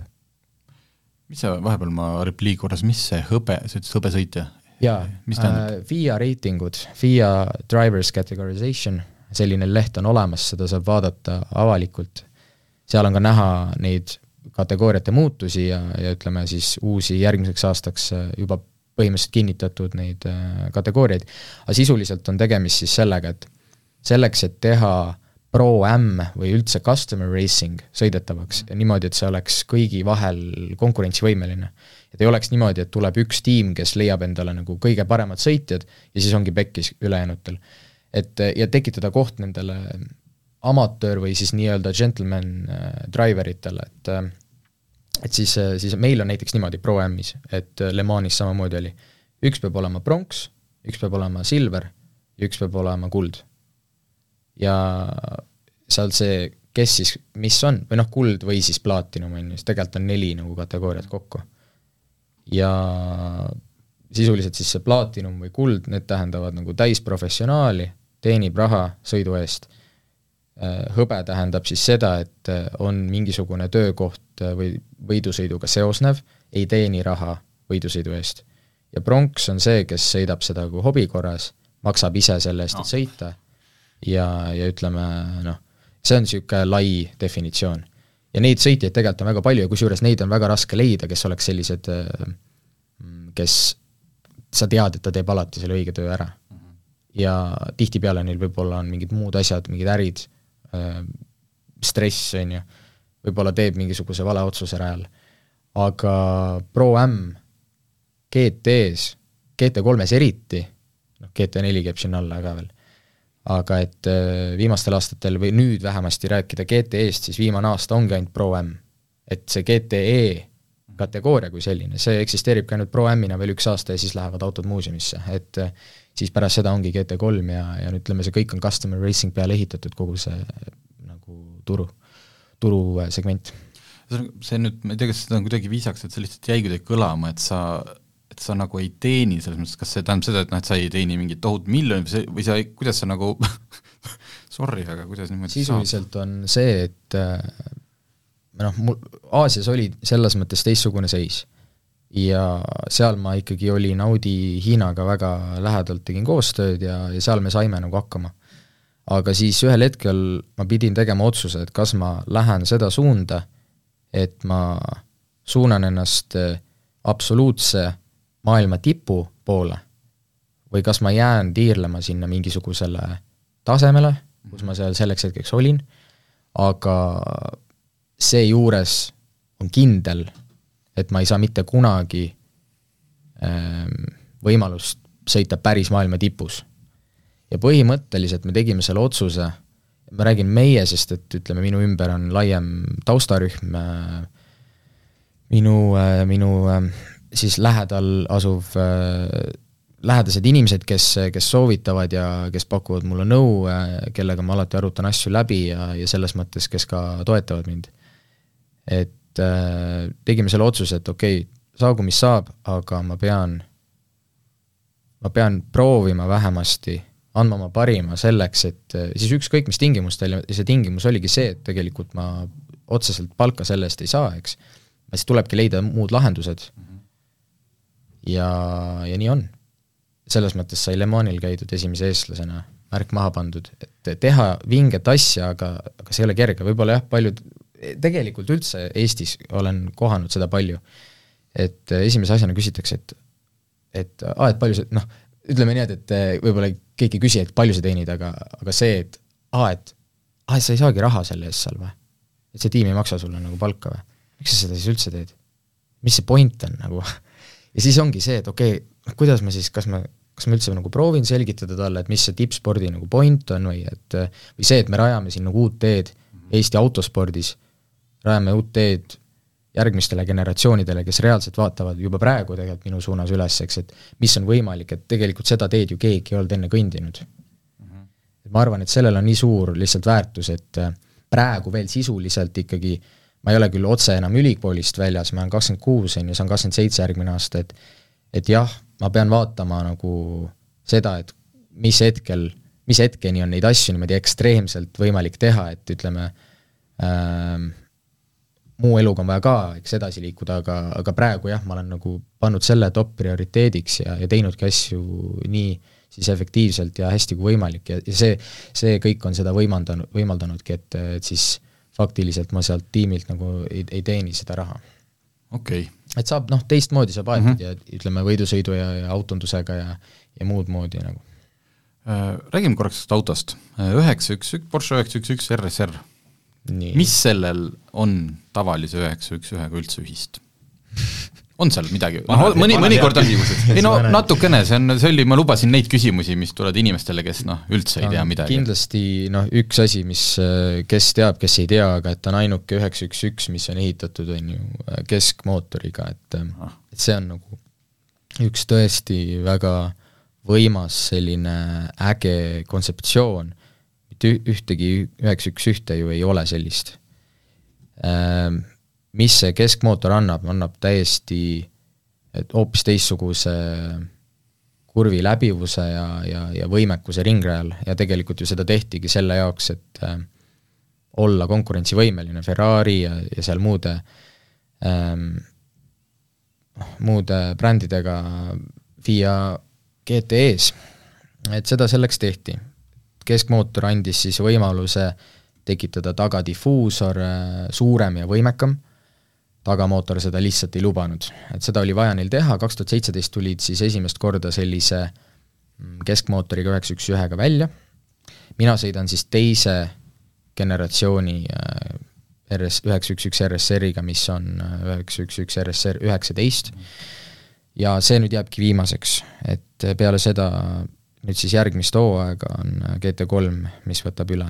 siis on noh, GT3R on ju, on selle mudel mis on ühist? see on tõesti väga hea küsimus ei, võib-olla ei peagi olema, see on umbes noh, nagu Dakari hiluks, eks ju. et noh, ütleme otseselt esiklaas, esiklaas, eks ju. ja et... iluvere peal olev märk. aga need andmed siis, ärme siis võib-olla detailidesse, aga et äh, jah, see jah, üritame seal käia, käidad Düno, Düno äkki..., Düno pingis sellega või ei käi äh, jaa, ma vaatan, selles mõttes Porsche on loomulikult öelnud välja, et mis nende nii-öelda niisugused arvatavad numbrid on ja lõppkokkuvõttes täpseid numbreid ei saagi öelda, sellepärast et ütleme, kereauto võidusõidus alati on balance of performance ja see põhimõtteliselt muudab sellist ähm, siis lõppvõimsust näiteks, või kaalu, või noh, mis iganes seal annab veel tu-, noh, Ferraridel äh, sätitakse turborõhku, on ju, et see kogu aeg on sättimises. aga ta on jah, võimsuselt tegelikult ei ole väga palju, et äh, kui me räägime siin nelja koma kahe liitrisest mootorist, mis mis siis piiratakse ära, äh, et siis umbes viissada viisteist hobujõudu mm. -hmm. et äh, noh, jah, Turbo GT-l on üks äh, ütleme rohkem. seal kõvasti rohkem, et kaal. üle saja rohkem, aga kaal on jällegi circa tuhat kakssada nelikümmend viis kilo. ja veos, mida on Cayenne Turbo GT-l umbes kaks korda rohkem. aga veos, veoskeemina siis taga? tagavedu ikka tagavedu, muidugi ja äh, selles mõttes seal Rinka GT maailmas ei ole mitte ühtegi nelivedu ja ütleme, GT kui selline ei saa ka olla esiveoga, et mm -hmm. siis on juba, me räägime touring autost. okei okay sest et jah, ma, ma kiiresti lasin ka silmadega listi üle, et äh, mis siin hetkel siis nende viimased, ma ei tea, kas siis võib nii öelda, et homologatsiooni lõpus olevad konkurendid on, siis ongi Aston Martini V8 Vantage mm, -hmm. seesama sinu mainitud Ferrari neli kaheksa kaheksa GTE ja siis põhimõtteliselt siin saavadki, saavadki, saavadki autod otsa nagu.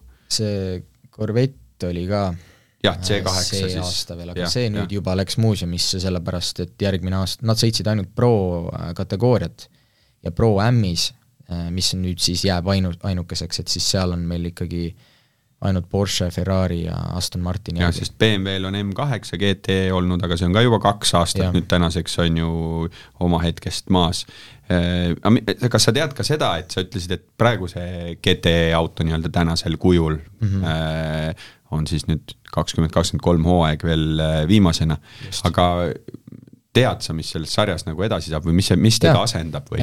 Noh, mi-, milliseks see päriselt muutub, see saabki olema üks niisugune seiklus ja, ja suur äh, selginemine, ma arvan, sellel hetkel, kui see toimub, aga põhimõtteliselt on sarjadel plaan minna või no vähemasti siis VEC-il ja, ja LMS-ist, millest me mm -hmm. räägime, et äh, GT3-e peale okay.. ja siis GT3 ongi siis selleks nagu ühendavaks äh, GT maailma kategooriaks. Äh, ta ei ole küll päris avatud GT3 kategooria, see tähendab seda, et selleks, et sinna GT3-e, GT3-e siis sarja entry teha, brändina sa pead ka olema prototüüpauto looja.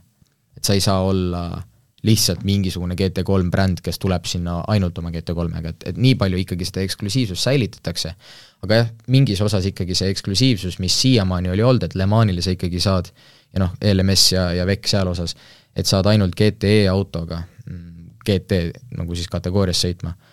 et ja GT3 oli siis selle, nende sarjade väline asi, et siis nüüd nad nagu ühtlustuvad mingil määral.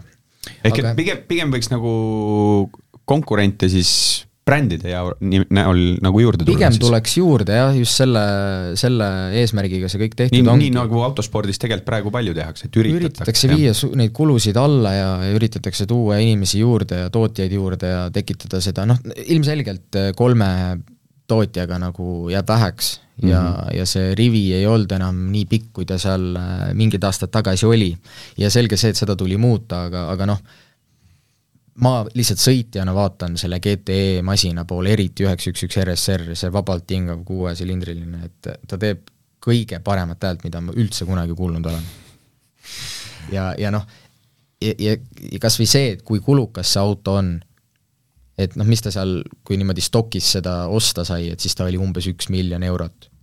noh, praegu selle järelmüügi nagu, seda üldse on kümme tükki maailmas.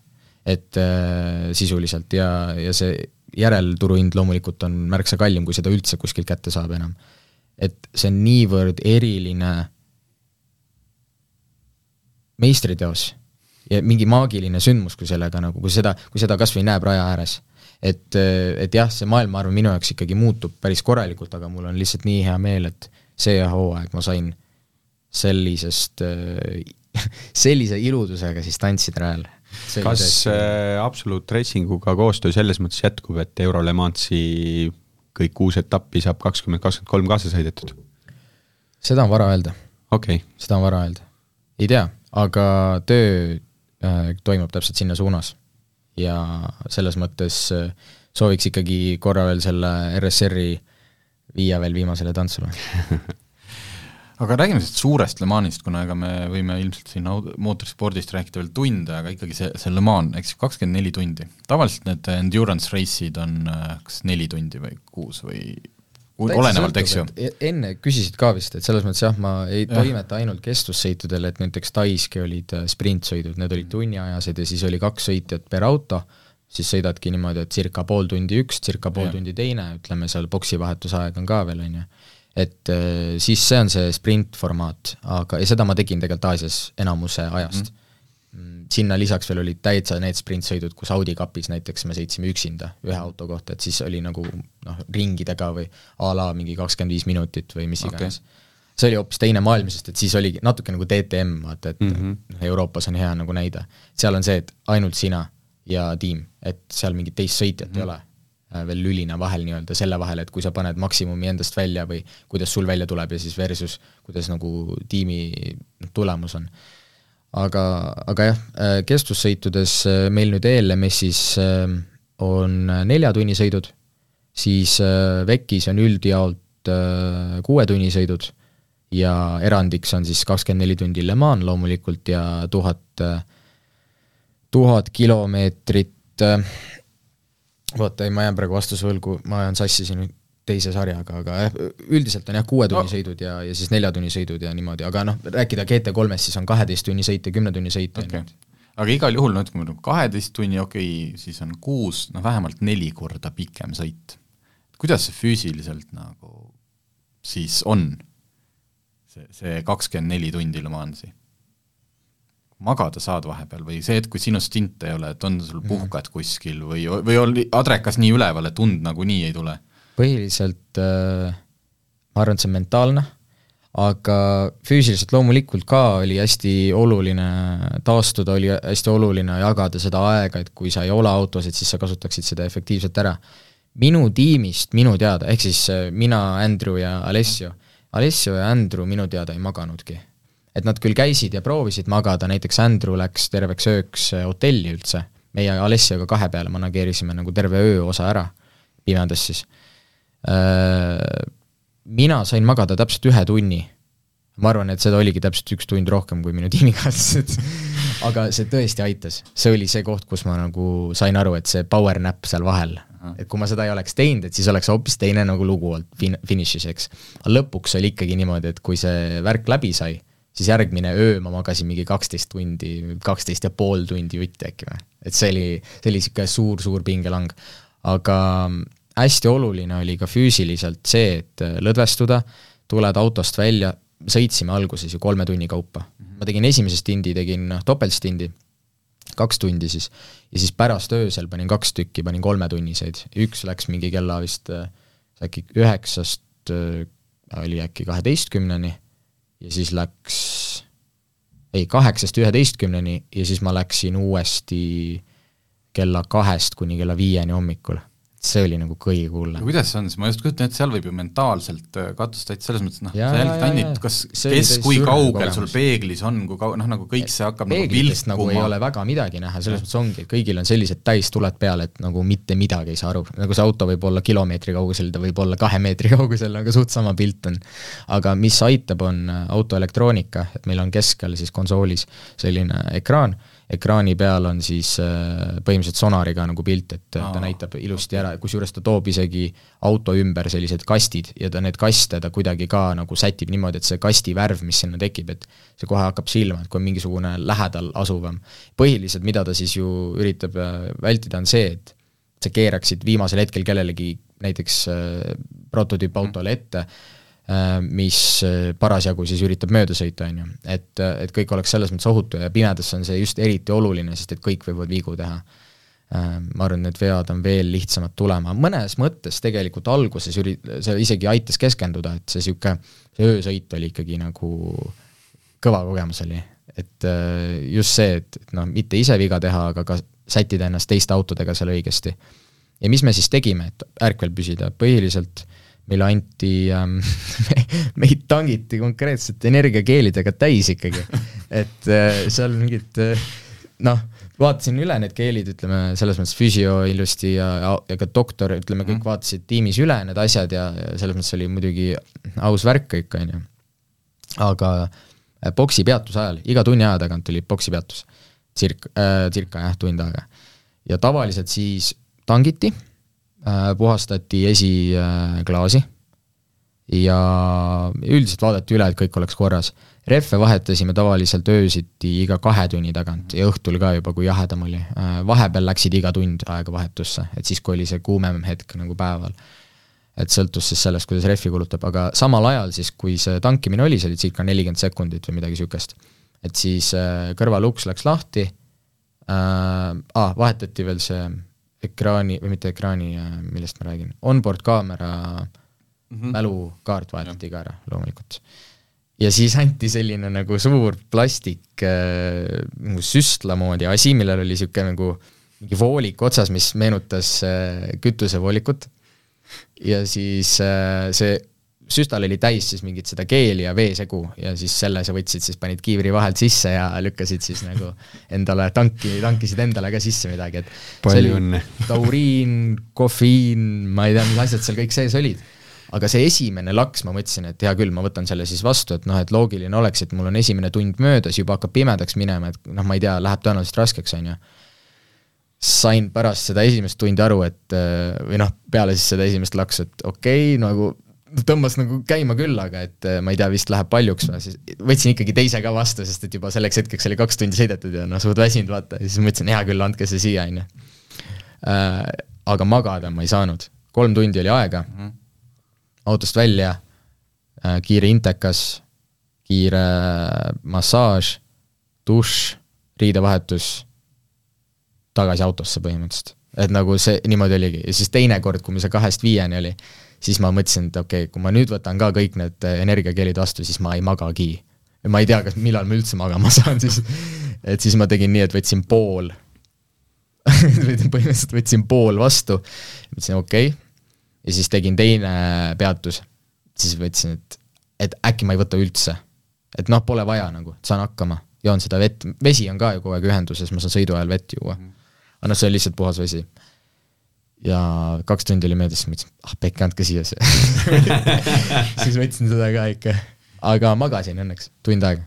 kui suured need äh, selles mõttes kiiruste vahed on, et näiteks sama öösõit, et sa vaatad nii-öelda, ahah, suhteliselt puhas, nii, ja üks hetk on sul näiteks prototüüp juba, juba tagaotsas või ta ikka päris äh, nii suur see vahe ei ole seal, et äh, Nad on teinud väiksemaks seda vahet, ma arvan, et kui see kuldajastu oli sellel LMP1-l nüüd siin mingisugune, ma ei tea, mis me räägime siis, viis mm, -hmm. viis natuke peale aastaid tagasi, et siis võis olla see ikka päris rets, ma mõtlen, kui sirge peal ikkagi sa sõidad seal enda arust jumala kiiresti, nii ma olen siin ma maininud ära ka, et kolmsada seitse kilomeetrit tunnis minu nimele jäigi nagu meie siis kõige kiirem kiirus ja minu meelest see oli Porschedest oli, vähemasti Pro M-idest oli üks kiiremaid ka, et täpselt mingi kellegi tuules ma sain kolmsada seitse kätte ja siis tulebki keegi sinust niimoodi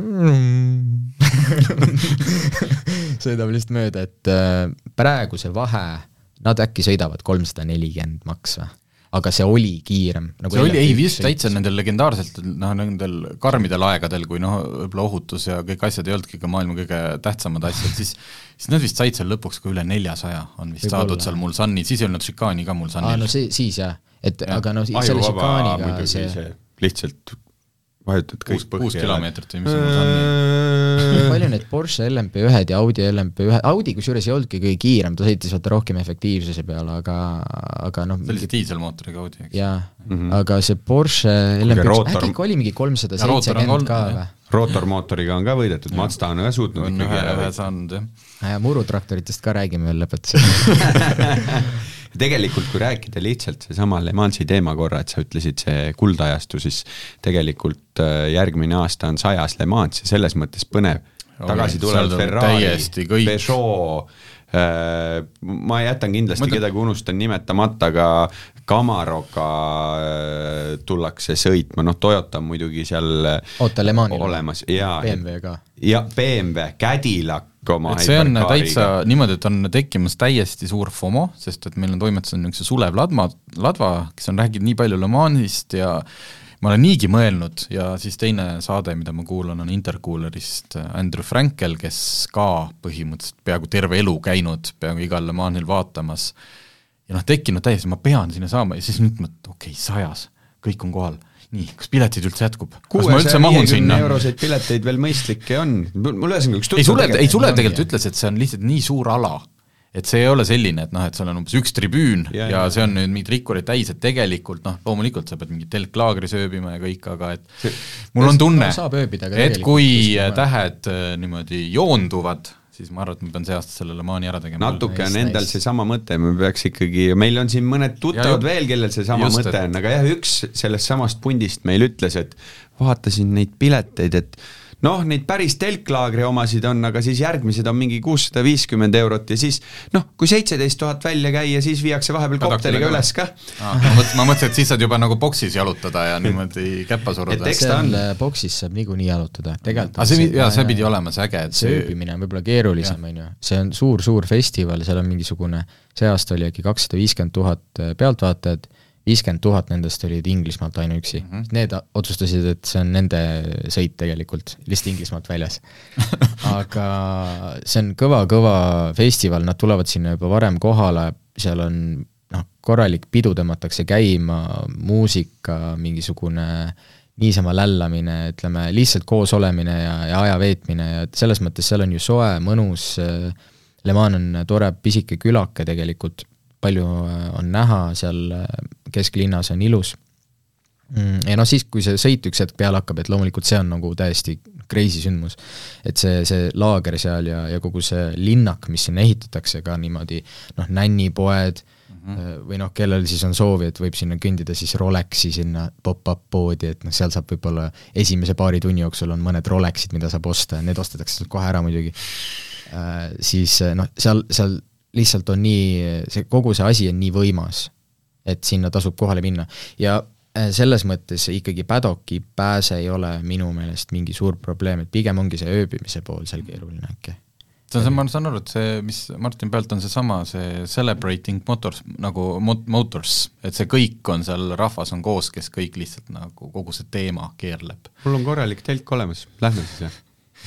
ikka lähme, ma tulen ju oma telgiga jagama ei pea. nagu äh, erinevatest distsipliinidest tulevad sõitjad kohale, sest yeah. et see on ikkagi, kui mitte kõige vingem, siis üks vingemaid autospordisündmusi maailmas ja ta on lihtsalt nii pika ajalooga, et kõik sinna tahavad minna. nii rallist, nii vormel ühest, nii mujalt. Tead, me peame ennem ära käima, kui Netflix sarja teeb, sest siis on, siis on kõik inimesed publikuna kohal, et ma tean, et Youtube'is ju Fassbenderi see seriaal on, soovitame vaadata. soovitan vaadata Fassbenderi sarja, see just. viimane nüüd eh, episood, või see, see viimane season tuli just välja. just, see, kus ta päriselt jõuab ka Le Manile.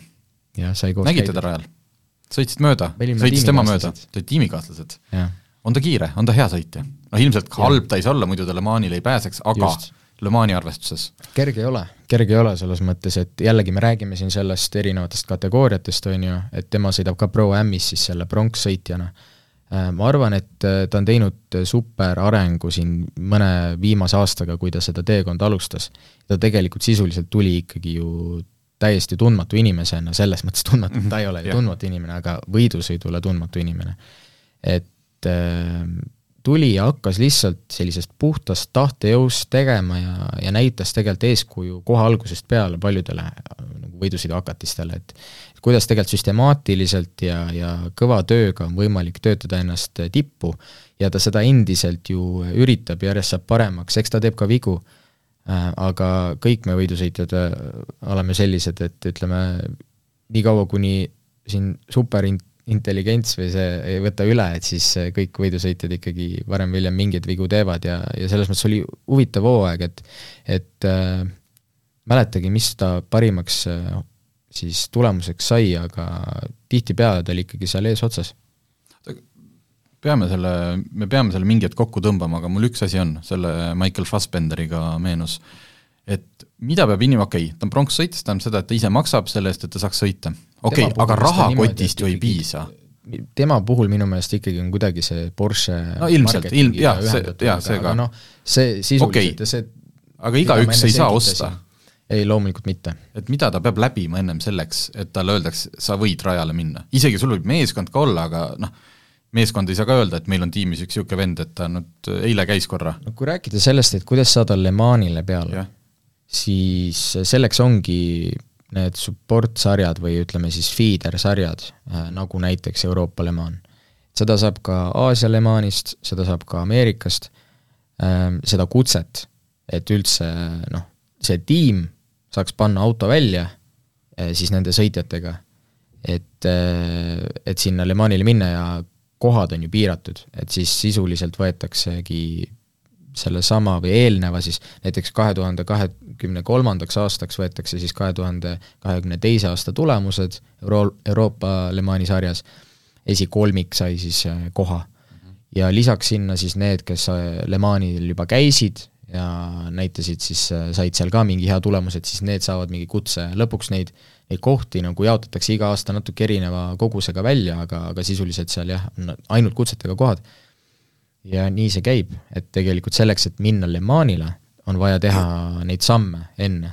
ja ei saa ka minna Euroopa Le Manile kohale, sest et see konkurents on lihtsalt nii kõva, et seda kutset lihtsalt ei tule sealt, kui sinna minna nagu niimoodi tuimalt peale, et ah, et ma olen natuke midagi siin äh, proovinud äh, ja, ja siis lähme kohe nagu, et, et, et see päris nii kerge ei ole, jah. ja need autod on ikkagi noh, seesama, et äh, et, et sellise GTE masinaga läbi äh,, läbi nagu siis kõige huvitavamate, vingemate F radade, GP radade sõita, et raske katsumus, ükskõik kui heale sõitjale ja, ja see, see ei ole üldsegi kerge.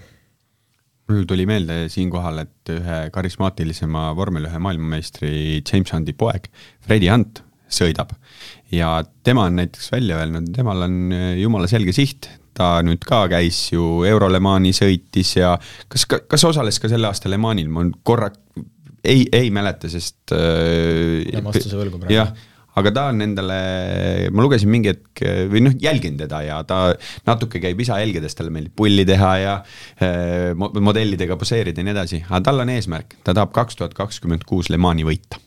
Nice, nice. Inimesel ongi, peab olema mingi siht. selles mõttes nagu ükskõik, kuidas sa sinna nendesse kas siis kereautodesse või, või prototüüpidesse jõuad, aga et ütleme, sul on ikkagi mingisugused kohalikud sarjad, rahvusvahelised sarjad ähm,, kui rääkida kereautoteedest, et siis sul ongi nagu kapisarjad, äh, võib-olla tuled tuuringautodest üldse, siis jõuad sinna GT-desse kuidagi, siis sõidad mingit kohalikku äh, ma ei tea, Porsche kappi näiteks, ja, ja siis äh, enne seda on veel võib-olla mingi klaapsportüritused üldse, mhm, on ju. Siis jõuad sinna sellesse kappi, siis paned selle kapi kinni, siis sõidad võib-olla mingit Porsche superkappi, on ju üldse, näiteks. siis sealt edasi jõuad GT-sse või, või noh, ütleme neid teid on erinevaid ja võid min-, liikuda GT3 pidi, võid ka minna täiesti näiteks vormeliteed, et paljud sõidavadki, üritavad pürgida vormel ühe suunas, ühel hetkel on see, et okei okay,, noh siit äh, ei, ei lähe enam see tee edasi, aga siis sa lähedki sinna teise tipu suunas üldse ja siis tegelikult teed selle switch'i näiteks vormel kolmest äh, võid panna otse ka sinna GT-sse, et ei ole mingi küsimus. Tarmo, saad aru, kui erilised poolteist tundi me oleme veetnud no,? ma saan, ma tahtsin küsida, mis su lemmikrada on?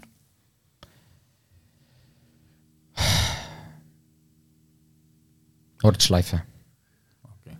mul on ka lemmikrada, Porsche ringaudrus ei ole väga palju mujal sõitnud. Eh, Nordschleife, siis see et kui kaugele me, kui palju meil on veel minna, et me nagu rekordi teeksime, sest mulle meeldib rekordit teha. ei, ma arvan, et ongi, ma olen suhteliselt kindel, et see rekord on käes ka juba nice,. kõige nice. pikem, äh, kõige pikem äh, autotund, äh, Tarmo Tähepõld, kuidas võtaksite selle kokku? oot-oot, mul jäi siia Nordschleife juurde praegult, mul jäi, ma jätkame, toome vett juurde ja ei, see Nordschleife siis see võidu sõidetakse ka selle kõige pikk, ikka see kakskümmend koma kolm kilti? ei tegelikult on kakskümmend viis koma kaheksa, kui sõita seda kahekümne nelja tunni adak versiooni. Ah, okay. aga see, mida ma nüüd sõitsin enamjaolt, ma käisin ka selle, seda pikka sõitmas, aga et see teine oli natuke lühem, et see oli kakskümmend viis koma neli et äh, aga see oli siis niimoodi, et põhiliselt miks ta lühem on, et see viimane, see, ta on sprint äh, tagasipöördega GP-rajal. Ja ka see viimane šikaan, GP-raja viimane šikaan, see on siis see kiire endurance šikaan. et seal natuke tuleb see mingi paarsada meetrit või mõnisada meetrit erinevust, aga sisuliselt sa ikkagi annad see Nordschleife on nagu terves äh, oma uhkuses ja toon jah, mingi kakskümmend koma midagi, on ju, aga noh, selles mõttes jah, Nordschleife ise on kakskümmend koma nagu, nagu sa teadsid paremini, aga et, et seda VLN-i või variatsiooni või NLS-i variatsiooni, et see on nagu hoopis midagi muud, sest et var-, alguses ma tegelikult võtsin ka selle raja niimoodi, ma ju õppisin selle see aasta -hmm. selgeks ja kusjuures soovitan kõigil, kes äh, on Nordschleife huvilised või tahavad sinna proovima minna või tahavad sinna võistlema minna, et siis äh, virtuaalvõidusõit on väga, väga jaa, meil oli saate osa. alguses ju, aga selle teeme küll teinekord, Martiniga pikalt selle. rääkisime, kuidas ta sõidab ka virtuaalselt ja siin saaks pikalt rääkida. ühe küsimuse ma küsiks. ma, ma peangi ütlema, no oota, enne küsimust, et tegelikult eile sõitsin äh, Nürburgringil, sõitsin äh, virtuaalselt võidu. ja tegelikult äh, props äh, Risto Kapetile, kes mind aitas seal ühe päevaga hoogu üles saada, et, et see, tegime temaga eratundi ja sain talt äh, õpetussõnu ja just, saate aru, Eesti kõige kõvem, noh, et ütleme, virtuaalsõitja Risto Kapet, eks ju, ja Le Mansis osalenud Martin Rump vajab temalt nagu nõuandeid, et noh oli..., mees, kes istub arvuti taga, sõidab ja mees, kes sõidab päriselt ja nii palju on üksteise noh, niimoodi õpetada. mul tegelikult selle virtuaalsõidu kohta oli üks selline küsimus, sinu käes on hetkel ju autoruraja ringirekord, mis siis on päriselt sõidetud ringirekord, aita nüüd mind, üks kolmteist üks, üksteist koma viis. üks üksteist koma viis. Äh, ma tean, sa korra rääkisid mulle sellest ja, ja mu küsimus ongi ka see, kaheosaline küsimus selline, et äh, kui realistlik on see, mida sa koged seal virtuaalses sõidus ja kui palju on see virtuaalse sõidu ringiaeg ületoodav päris maailma, sest et minu meelest te panite autoraja kuhugi VR-i sisse ja proovisite vormel ühe autoga äkki sõita või sa, sa ütlesid ja, selle ja, aja, aja, mis see aeg tuli seal? kuule, ma jään jälle vastuse võlgu, mis ta täpselt tuli, aga tead, tegelikult olekski hea võib-olla Ristolt küsida, sest et tema sõidab seal ju mm -hmm. igapäevaselt, on ju. noh, ma ei tea, kas just Audru rada, aga kindlasti ta oskab seal kümnendiku täpsusega öelda.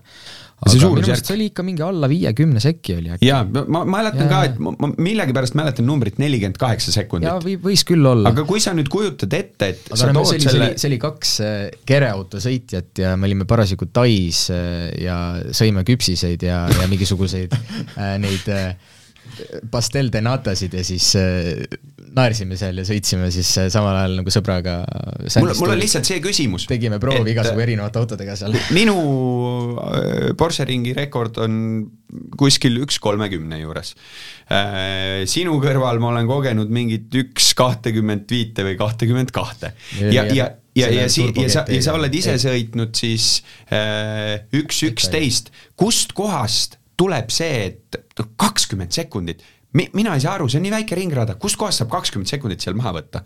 see ei see... ole ju see, et ma panen veldi eh, kurvist nüüd kahesaja asemel kolmesajaga ja siis ma olen kakskümmend sekundit kokku hoidnud no,. kas sa nagu pidurdad paned, veel hiljem? paned ka kolmesajaga läbi, noh selles mõttes, et et, et nagu see lihtsalt see, see vorm, siis kui ma proovisin vorm, jaa, midagi niisugust oligi reaalselt, või noh, sa kogusid sealt kuni kolmesajani või midagi niisugust, et et see F1 lihtsalt ist-, kusjuures me proovisime, mulle meeldis kõige rohkem mitte selle tänapäevase vormeliga, vaid minu meelest me tegime kõige kiirema aja üldse selle Alonso Renault'ga mm. -hmm.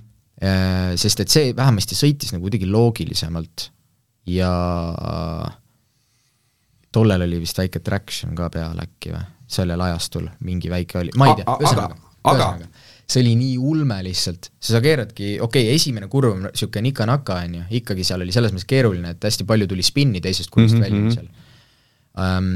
Aga see parem nukk, see oli niimoodi, et sisuliselt läksid täisgaasiga läbi okay noh, mingi väike gaasi mahalaskmine ainult. Ja siis vasakusse lükkasid ainult mingi, aa, ühe käigu lükkasid alla sinna paremasse, siis lükkasid teise käigu veel alla ja juba kandsidki kogu selle hoo sellest kausist läbi ja tagasirgele. et äh, juba sealt nendest esimestest kurvidest sai niisuguse ajavõidu, tagasirgel loomulikult liikusid mingisuguse ulma hooga, veldikurvist mingi pea kolmesajaga läbi, on ju. ja noh, siis need aeglased kurvid, mis seal olid, et eks ta igalt poolt võidab, need pidurduspunktid on täiesti ulmeliselt hilja ja kurvi keskkiirus ka aga ma arvan, et see vahe tegelikult tulekski rohkem välja hoopis siis, kui see audrurada oleks veel kiirem et äh, aeglastes kurvides ta tegelikult seda vahet ei suuda. ma seda, ma seda mõtlesingi, aga minu jaoks tunduski see, et kuna audrurada ei ole nii kiire rada, ta ei ole nii suur rada, seal on ka nagu väga nagu tait kurve mm, -hmm. ja, ja, ja ikkagi mingisugune üle kahekümne sekundi on võimalik veel kiiremini sõita. minu jaoks on see, et kui keegi, noh, ma olen seal kõrval ja keegi kihutab Äh, selle raja läbi seal selle üks kakskümmend midagi, mul on juba niimoodi, pagan, see on kiire. Ja sealt on võimalik kolmkümmend sekundit paneme võrdluseks, et lihtsalt, et seesamagi praegune rekord, see on sõidetud äh, Formula Renault kaks punkt nulliga ja seda täiesti nagu vana, vana versiooni.